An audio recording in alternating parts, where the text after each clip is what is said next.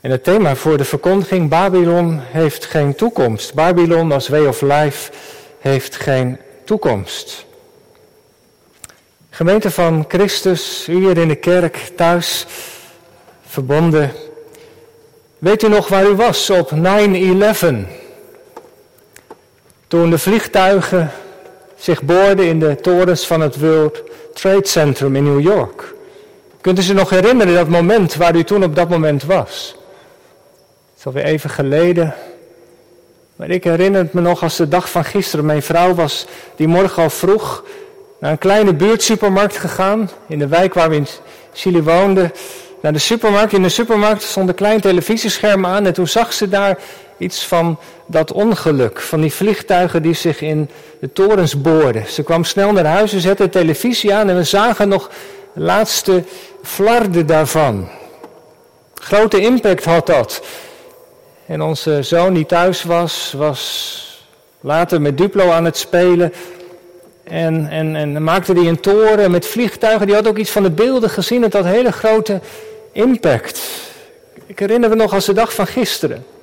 Maar vrij snel na die aanslag ging Openbaringen 18, het tweede hoofdstuk van wat we hebben gelezen in Chili, om zo te zeggen, viraal. Op het seminarie waar ik werkte, in de kerken waar kwam, was het voor iedereen eigenlijk wel duidelijk dat wat Openbaringen 18 beschrijft, dat zien we voor onze ogen gebeuren. In één uur de verwoesting van die torens, die grote rookpluim die je vanaf de zee al kon zien. De handel die stil lag, de schepen die die rookpluim zagen. Het, het was duidelijk. Openbaringen 18, we zagen het voor onze ogen gebeuren. Duidelijker konden de feiten toch niet spreken, dacht men daar. En van tijd tot tijd gebeurt het natuurlijk. Als we zeker het laatste Bijbelboek verbinden met de actualiteit, dat je denkt, jongen, dat, dat lijkt wel over dezelfde dingen te gaan. De vorige keer al, een paar weken geleden, toen ging het over hoofdstuk 15 en 16, over de zeven schalen en de koningen die kwamen uit het land waar de zon op kwam. De beslissende strijd van Gog en Magog, die door uitleggers wel met Rusland en zijn bondgenoten wordt verbonden, China of een ander land daar. Zou zomaar kunnen natuurlijk. Tegelijkertijd hebben we ook wel gezien dat we voorzichtig moeten zijn om al te makkelijk een is gelijk teken te zetten tussen wat er in de actualiteit gebeurt en de schrift. Openbaringen 18 is niet zomaar, openbaring het boek is niet zomaar een spoorboekje. Het is wel profetie. Profetie waarin de Heer Jezus al opgestane Heer aan de gelovigen iets onthult van wat er gebeurt in de laatste dagen. Je krijgt een dieper kijkje achter de gebeurtenis. Het is profetisch, een profetisch visioen. Dus een is gelijkteken, een spoorboekje dat niet. Maar het gaat natuurlijk wel over de tijd waarin wij leven. Voor de wederkomst van de Heer Jezus. Met de hulp van de geest zullen we daar vanavond wat nader bij stilstaan. Die twee hoofdstukken, het was wat lang, maar ze horen echt helemaal bij elkaar. En in die laatste hoofdstukken gaat het over een spanning. Aan de ene kant heb je de vrouw die op het beest zit. En aan de andere kant gaat het in de laatste hoofdstukken over de bruid. De vrouw en de bruid. Zijn twee werelden. Het gaat over Babylon en het gaat over Jeruzalem. Augustinus had het daar natuurlijk ook al over, hè? over de stad van God en de stad van de mens. Die twee rijken. Iets daarvan zien we natuurlijk hier ook weer terug in het laatste Bijbelboek. En die twee rijken die staan voor een bepaalde manier van leven. In, in Babylon, dat is de way of life van de mens. En Jeruzalem, daar, dat is de stad van God waar je geroepen bent. En straks als het koninkrijk komt, waar we helemaal zullen leven volgens de wil van de Heer. Maar ze staan hier dus tegenover elkaar. Babylon, Jeruzalem, de vrouw en de bruid. En die twee hoofdstukken vormen in openbaring een tweeluik. Hoofdstuk 17 is de duiding, om zo te zeggen. De engel maakt aan Johannes duidelijk wat hij om zich heen ziet gebeuren, maar dan in diepere zin. En hoofdstuk 18 is de concretisering van het oordeel van God. Dat werd in hoofdstuk 17 al aangekondigd, dat de koningen zullen opstaan en dat de stad met vuur zal verbranden. En dat oordeel wordt dan verder uitgewerkt in hoofdstuk 18. De ondergang van Babylon wordt aangekondigd. En het zal, zo staat dan het in hoofdstuk 17, met name de versen 16 en 17, zal ik straks nog even op terugkomen. Het zal waarschijnlijk door een soort innerlijke strijd ten onder gaan. En zo voltrekt zich het oordeel van de Heere God. Nou, we starten bij hoofdstuk 17. De vrouw en het beest. En nu is het goed om te beseffen, als we dit hoofdstuk lezen, dat we, dat we even proberen ons in te leven in de hordes van de eerste eeuw. De gelovigen die vervolgd worden. Voor hen schrijft Johannes in eerste instantie dit boek. En de eerste lezers, de eerste hordes van al deze profetieën, hebben bij de vrouw en het beest allereerst aan de stad Rome gedacht en aan het Romeinse Rijk. Babylon was voor Joods in Joods en christelijke kringen een schuilnaam voor Rome. Zo konden ze over Rome spreken zonder de naam te noemen. En dat blijkt ook uit het hoofdstuk zelf. In hoofdstuk 17, vers 18 gaat het over de grote stad die heerschappij voert. Over alle koningen van de aarde. Dat gaat over de stad, de hoofdstad van het grote Romeinse Rijk, die alle andere volken daaromheen heeft onderworpen. En in vers 9 lezen we over de zeven bergen. Nou, Rome, zeven heuvels. Rome is op zeven heuvels gebouwd. Dus voor de gelovigen van het eerste uur ging het over die concrete stad Rome. En de vrouw, zo lezen we, zit op het beest. In de eerste paar vers van hoofdstuk 17 wordt dat verteld. Nou, het is wel even geleden, maar hoofdstuk 13 ging dit Bijbelboek, eh, sprak Johannes ook al over het beest. Over twee beesten, over de politieke macht en het andere beest, dat had te maken met de staatsgodsdienst. De godsdienstige macht. En de vrouw, eh, politieke macht, die zit op het beest, de godsdienstige macht, en die spannen, die werken samen. En we zien daarin in dit hoofdstuk wat onthuld wordt, dat de politiek en religie samen samen opgaan en elkaar ondersteunen. wij leven in het land van de scheiding tussen kerk en staat. Nou, dat wordt hier vermengd. Zoals we natuurlijk ook onlangs, of ook onlangs ook hebben gezien in Rusland. Met Kirill, het hoofd van de Russisch-Orthodoxe kerk, die als het ware alles wat Poetin doet sanctioneert en goedkeurt en, en als het ware ondersteunt. Dan zie je hoe, hoe godsdienst helemaal verweven kan worden met de staat. Er is geen kritisch tegenover meer, geen profetische stem. En dat is bijzonder gevaarlijk. Als de godsdienst de oorlog van de staat als het ware rechtvaardigt of goedkeurt. En dat is hier aan de hand. De vrouw en het beest gaan, gaan samen op. En zo typeert Johannes het Rijk van Rome. Het is een duidelijk een antichristelijk rijk. De vrouw die op, op het beest zit, dat staat dus voor de stad Rome. Dat is de hoofdstad van het grote Romeinse Rijk. En dat, dat imperium van Rome is gebouwd op macht en geweld. De volken worden onderworpen. Een goden wordt in het pantheon bijgevoegd. En de koningen van de volken zijn aan haar onderworpen. En ze is gekleed in purper en scharlakenrood. Dat was de kleur van, van de keizers van Rome. En ze baat in wilde. Parels, edelstenen, goud. Net als de keizers in die tijd. En de vrouw zit net als de stad Rome aan de grote rivier.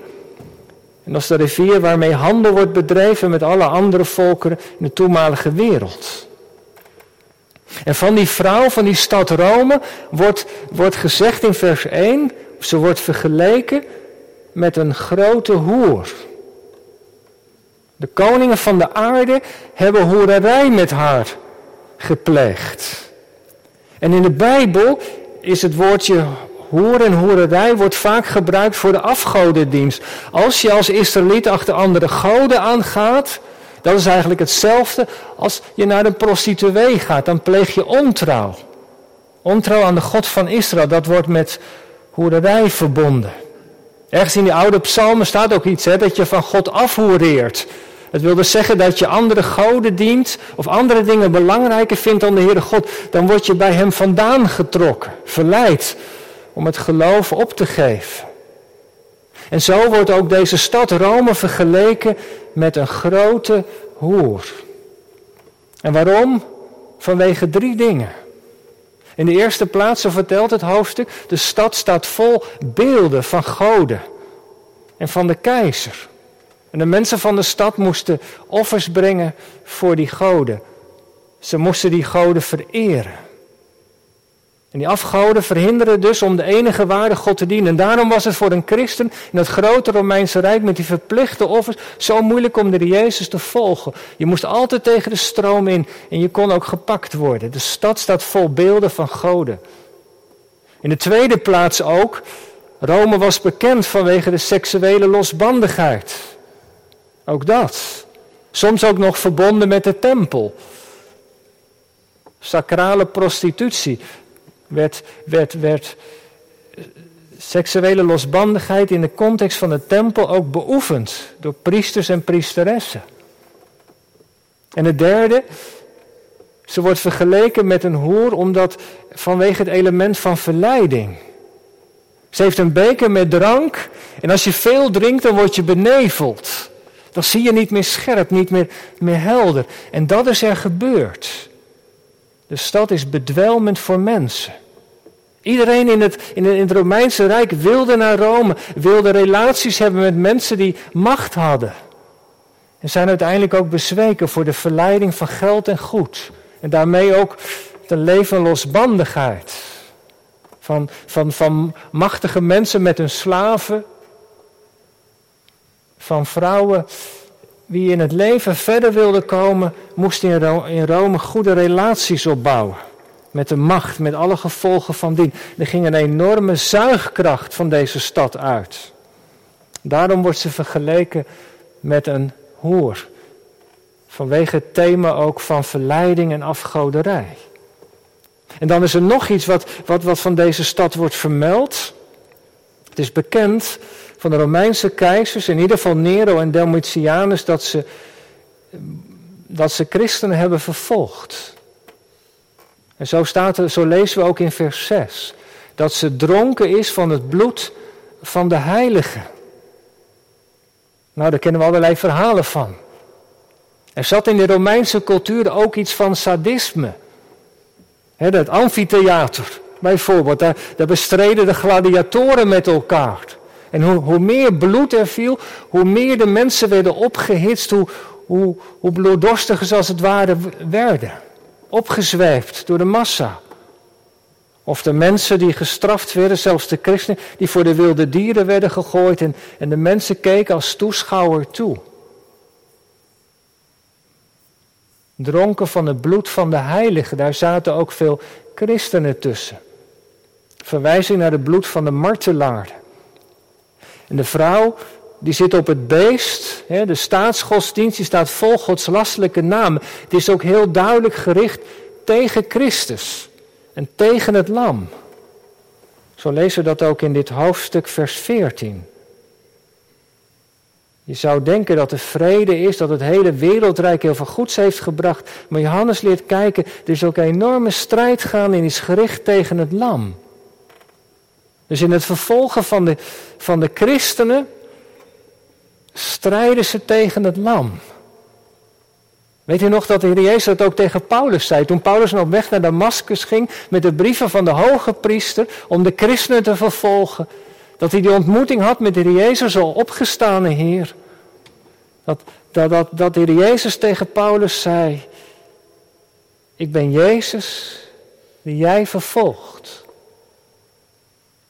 Wat de keizers deden in het vervolgen van de christen was dus tegen Christus zelf gericht.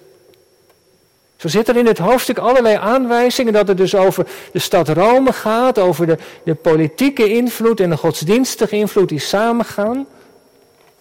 En dan hebben we ook nog iets gelezen over keizers.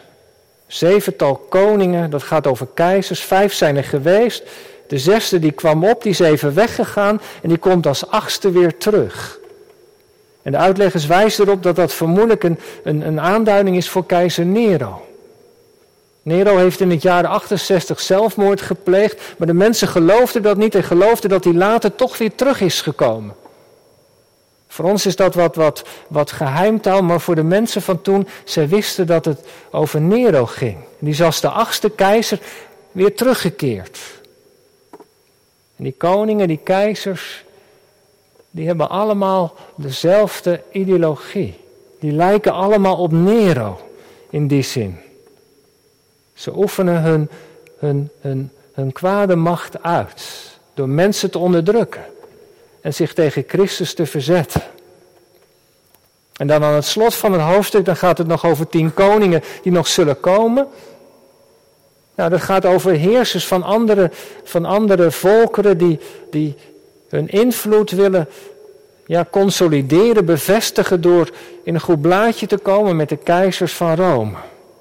Vers 13 staat dat zij kracht en macht aan het beest overhandigen. Ze gaan dus ook meedoen met die staatsgodsdienst.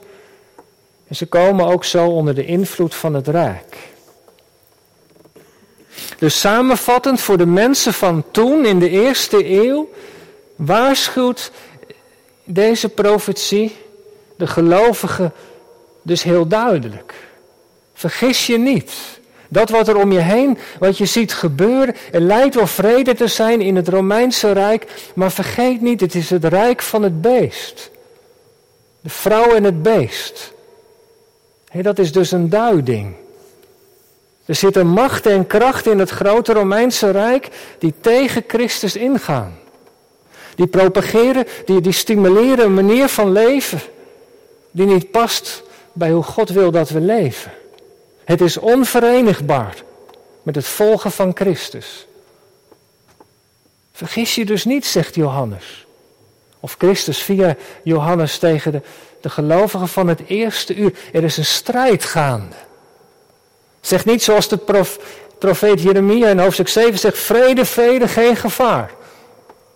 Vergis je niet. Je kunt zomaar onder invloed komen van de verleiding, van de zuigkracht van de cultuur. Blijf je focussen op het lam. Want alleen als je verbonden bent met Hem, zul je overwinnen. Dat was toen. Maar Johannes spreekt natuurlijk niet alleen voor de mensen van toen. Hij heeft ons vandaag ook wat te zeggen. En hij noemt de vrouw op het beest niet zomaar, voor, niet zomaar natuurlijk voor niets Babylon of Babel. He, daarmee grijpt Johannes terug op het Oude Testament. Er is bijna in elk vers in het boek Openbaringen wel een verwijzing naar het Oude Testament. Het is helemaal doorademd van het Oude Testament.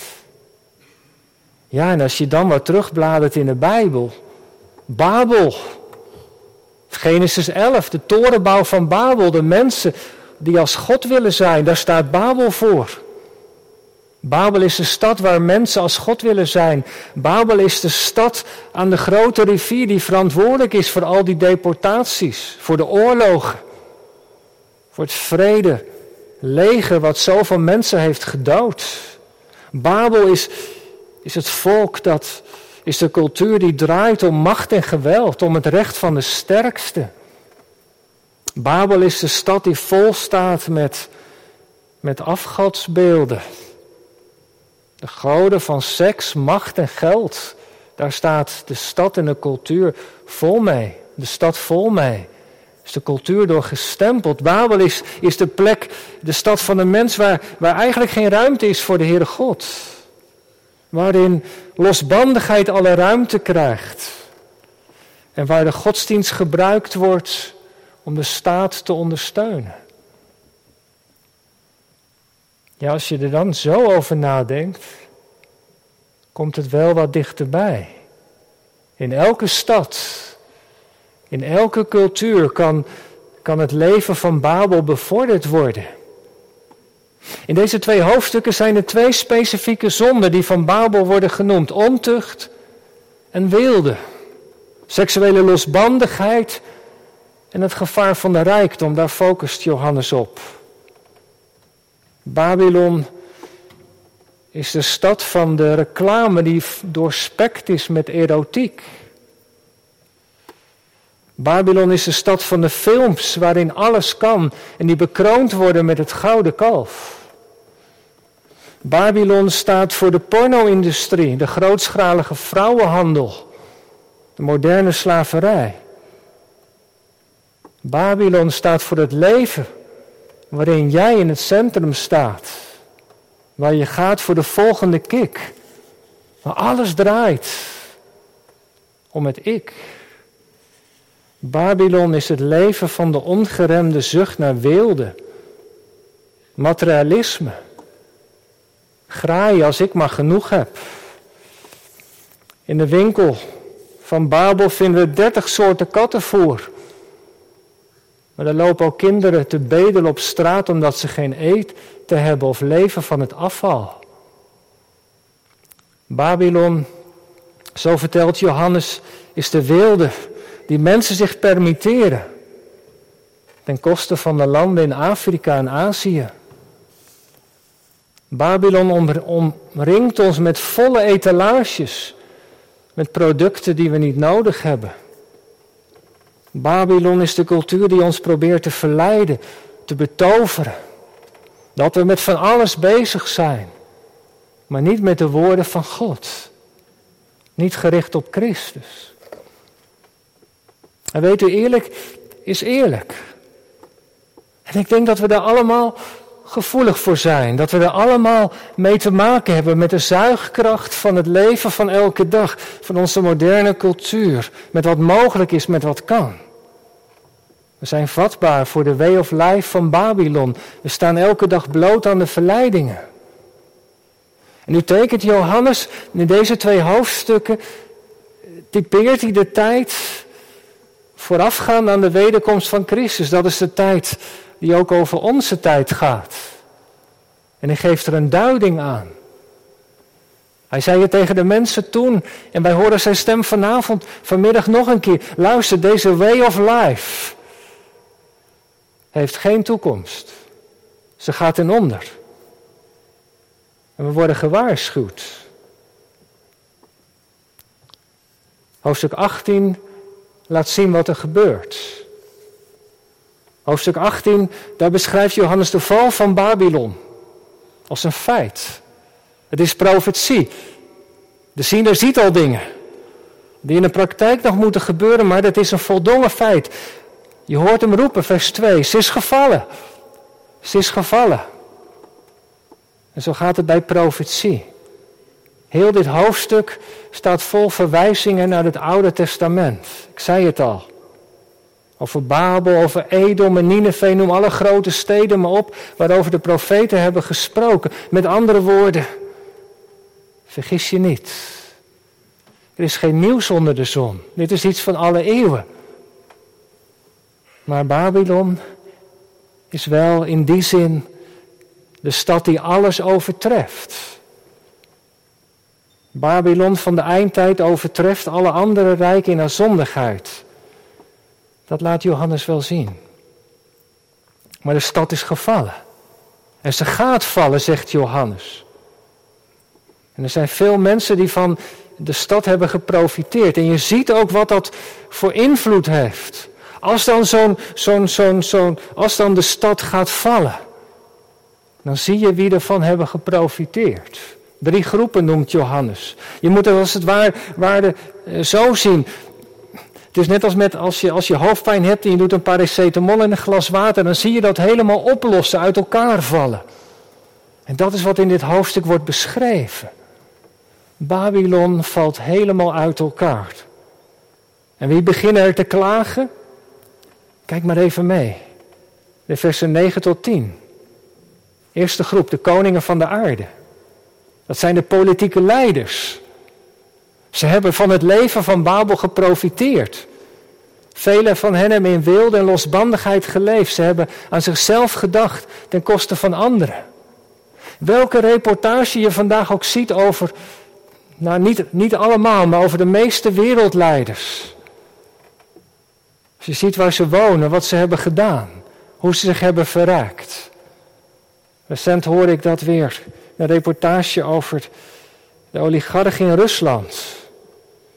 En hoe ze in al die jaren lang de gewone burgers hebben bestolen. Nou ja, het is in elke cultuur. Gebeurt er van alles. Maar wie klagen er? De machthebbers van de aarde. Wat ze helemaal hebben opgebouwd, dat valt voor hun ogen in elkaar. Al hun koninkrijkjes waar ze koning waren, die verbrokkelen. En dan de versen 11 tot en met 16. Dan is er de tweede groep, de kooplieden. Zijn de handelaars. Ze hebben goede zaken gedaan. En zou eens even moeten kijken naar de, naar de versen 11 en verder. Ik las het natuurlijk net wat, wat sneller, maar de versen 12 en 13, daar worden allerlei kostbaarheden genoemd. Dat zijn de zaken die ze hebben verhandeld. En met politiek en handel is natuurlijk niks mis. Als je daar je brood mee verdient. Maar Johannes laat hier zien wat eigenlijk de adder onder het gras is. Kijkt u maar even naar vers 13. Want die kooplieden, met al die wilden die er wordt genoemd, wie werden er de dupe van aan het slot van vers 13? De lichamen en de zielen van mensen. Dat gaat over mensen die over lijken zijn gegaan. Die alles hebben gedaan ten koste van anderen. Kwetsbare mensen die misbruikt werden. Anderen zijn er rijker van geworden. Mensen vermalen in het systeem. Een vinkje achter hun naam en ze zijn alles kwijt. Kwetsbare vrouwen, kinderen. En dan de derde groep, de versen 17 tot en met 19, zijn er ook nog de zeelieden. Ook zij zien hun handel vergaan. Maar dan staat er, de schepen van mensen die rijk zijn geworden. Kon het niet laten. Het was de afgelopen dagen allemaal in het nieuws. Over al die luxe jachten, vliegtuigen en boten. Die Russische oligarchen die aan banden zijn gelegd. Natuurlijk niet alleen daar. Maar dus ook wel de cultuur van Babylon als jij je verrijkt ten koste van anderen. Zo worden in dit hoofdstuk dus, gemeente, wordt iets getekend door Johannes van de stad van de mens. Die geen toekomst heeft aan wat er allemaal gaat gebeuren. In een één uur tijd, zomaar, alles weg. En hoe gaat dat dan precies? Dat weten we natuurlijk niet, hoe Heer God dat oordeel precies zal uitstrekken. Maar ik wil u toch even wijzen op het volgende. Daar hebben we een tijdje over nalopen denken. Hoofdstuk 17, vers 16. Laten we nog even kijken samen. Hoofdstuk 17, vers 16. Er staat namelijk dit. Dan gaat het over de tien horens die op het beest zijn. Dat gaat over, ja, over rijken, over machthebbers. En dan staat er iets heel raars. Zij zullen de hoer haten en haar verwoest en naakt maken en ze zullen haar vlees eten en haar met vuur verbranden. Moet je even bedenken. Dat beest dat staat voor de staatsgodsdienst. En uit dat beest zullen tien ja, machthebbers voortkomen, religieuze leiders, die uiteindelijk de stad te gronden richten. Ik dacht, zou dat misschien ook niet over de islam bijvoorbeeld kunnen gaan? Of over een vorm van communisme? Een religieuze macht die zich verzet tegen het beest. Tegen alle decadentie van de stad. Tegen alle decadentie van het Westen. Misschien wel. Ik weet het niet, maar ik vond het opvallend. Het gaat door desintegratie ten onder. De enige religieuze macht tegen de andere. Vanwege de cultuur in de stad. Nou, als je ziet in bepaalde godsdiensten, zeker ook in islam, hoe kritisch men is op de decadentie van het Westen, zou het kunnen dat daar een, een, een link is. Maar goed, ik ben voorzichtig om het al te veel te duiden. Maar laten we het maar in ieder geval in ons achterhoofd houden, voor het geval dat het zou gebeuren. In ieder geval heeft het wel iets schokkends. Het gaat ten onder door innerlijke strijd. En zo probeert Johannes de kerk van toen en nu te waarschuwen. Hij laat iets zien van wat er bezig is te gebeuren in de tijd voor de wederkomst van Christus. Het gaat over het Romeinse Rijk van toen, maar het is ook een blauwdruk van wat er in een cultuur of land mis kan gaan. Daar ver weg. Misschien ook wel in Europa. Heel dichtbij. Als politiek en godsdienst samengaan als wilde en ontuchte kenmerken zijn. Zijn dus gewaarschuwd. Johannes doet ook een appel. Daar eindig ik mee. Ik maak even de toepassing nog wat concreter. Vers 4 uit hoofdstuk 18. Laten we daar nog even de vinger bij leggen. Want wat moet je dan? Dan leef je zeg maar in zo'n cultuur die in veel aspecten niet ja, anti-gelovig is, anti-godsdienstig, werelds. En hoe kun je dan Jezus volgen? Vers 4, ik hoorde een andere stem uit de hemel zeggen, ga uit haar weg, mijn volk. Heb geen deel aan haar zonde, opdat u niet aan haar, van haar plagen zult ontvangen. Johannes doet dus heel duidelijk appel. Ga uit haar weg. Wat zou dat nou betekenen, denkt u? Betekent dat dat de gelovigen uit de stad moeten gaan en maar in het platteland moeten gaan wonen? Nee, dat kan natuurlijk niet de bedoeling zijn. Want ook op het platteland is de cultuur van Babel misschien wel net zo aanwezig als in de stad. Ik denk dat we dit moeten lezen tegen de achtergrond van waar we de dienst mee begonnen. Dat woord van de Heer Jezus. Dat je wel in de wereld leeft, maar niet van de wereld bent. Dat is de spanning. Ga uit haar weg betekent, pas op voor de verleiding, voor de zuigkracht. Ga er niet in mee. Sluit geen compromissen met wat niet goed is. Eet niet van twee walletjes. Dat je mammon dient en de Heer. Over die radicaliteit gaat het in dit hoofdstuk. Als het gaat over het geloof, over het samenleven met anderen, de economie, dan, mag niet, moet niet alles in het teken staan van het beest en van de vrouw, maar in het teken van de bruid. Op Hem moet ons hart gericht zijn. Op het lam dat op de troon zit, onze heiland, die zijn leven voor ons gaf. Hoe doe je dat dan? Nou ja, zoals vanavond. Door samen het woord te lezen. In de weg van het gebed op Bijbelkring. Bijbelstudie te doen, de diepte in te gaan. Door je laten te voeden met de woorden van God. Dat is het antigif. Tegen het gif van Babylon. Dat lijkt me allereerst belangrijk. En ondertussen, en dat moeten we samen doen kun je niet alleen. We moeten samen elkaar helpen om waakzaam te zijn. En ondertussen ja, leven we wel in deze stad, in deze cultuur. Moet denken aan het bekende hoofdstuk van Jeremia 29. Daar zegt de profeet, bid voor de vrede van de stad. Gaat over Babel. Want in haar vrede zal uw vrede zijn. Je moet dus niet leven volgens het schema van Babylon, maar je kunt je niet uit de wereld terugtrekken, in de wereld blijven en gefocust blijven op het lam en voor deze wereld en voor de stad blijven bidden. Zet je ervoor in. Uiteindelijk, hopelijk komen tot de ontdekking dat de cultuur van Babel ons hart niet kan verzadigen. Daarom zongen dat lied naar de geloofsbeleidenis, als een hert verlangt naar water. God geven dat dat verlangen ook in onze harten elke keer weer is. Want als er iemand is die onze diepste verlangens kan vervullen, dan is dat de Heer Jezus zelf. Er is niemand, zegt de Nederlandse geloofsbeleiders in dit universum, die ons zo lief heeft als Hij. Er is niemand die zijn leven op die manier heeft gegeven voor ons zoals Hij. Wel in de wereld. Daar ontkomen we niet aan maar wel gericht op het lam. En ik bid dat deze preek voor ons allemaal daartoe de aansporing mag zijn. Want als er iemand onze toewijding het waard is, dan is dat toch Christus wel onze Heer. Amen.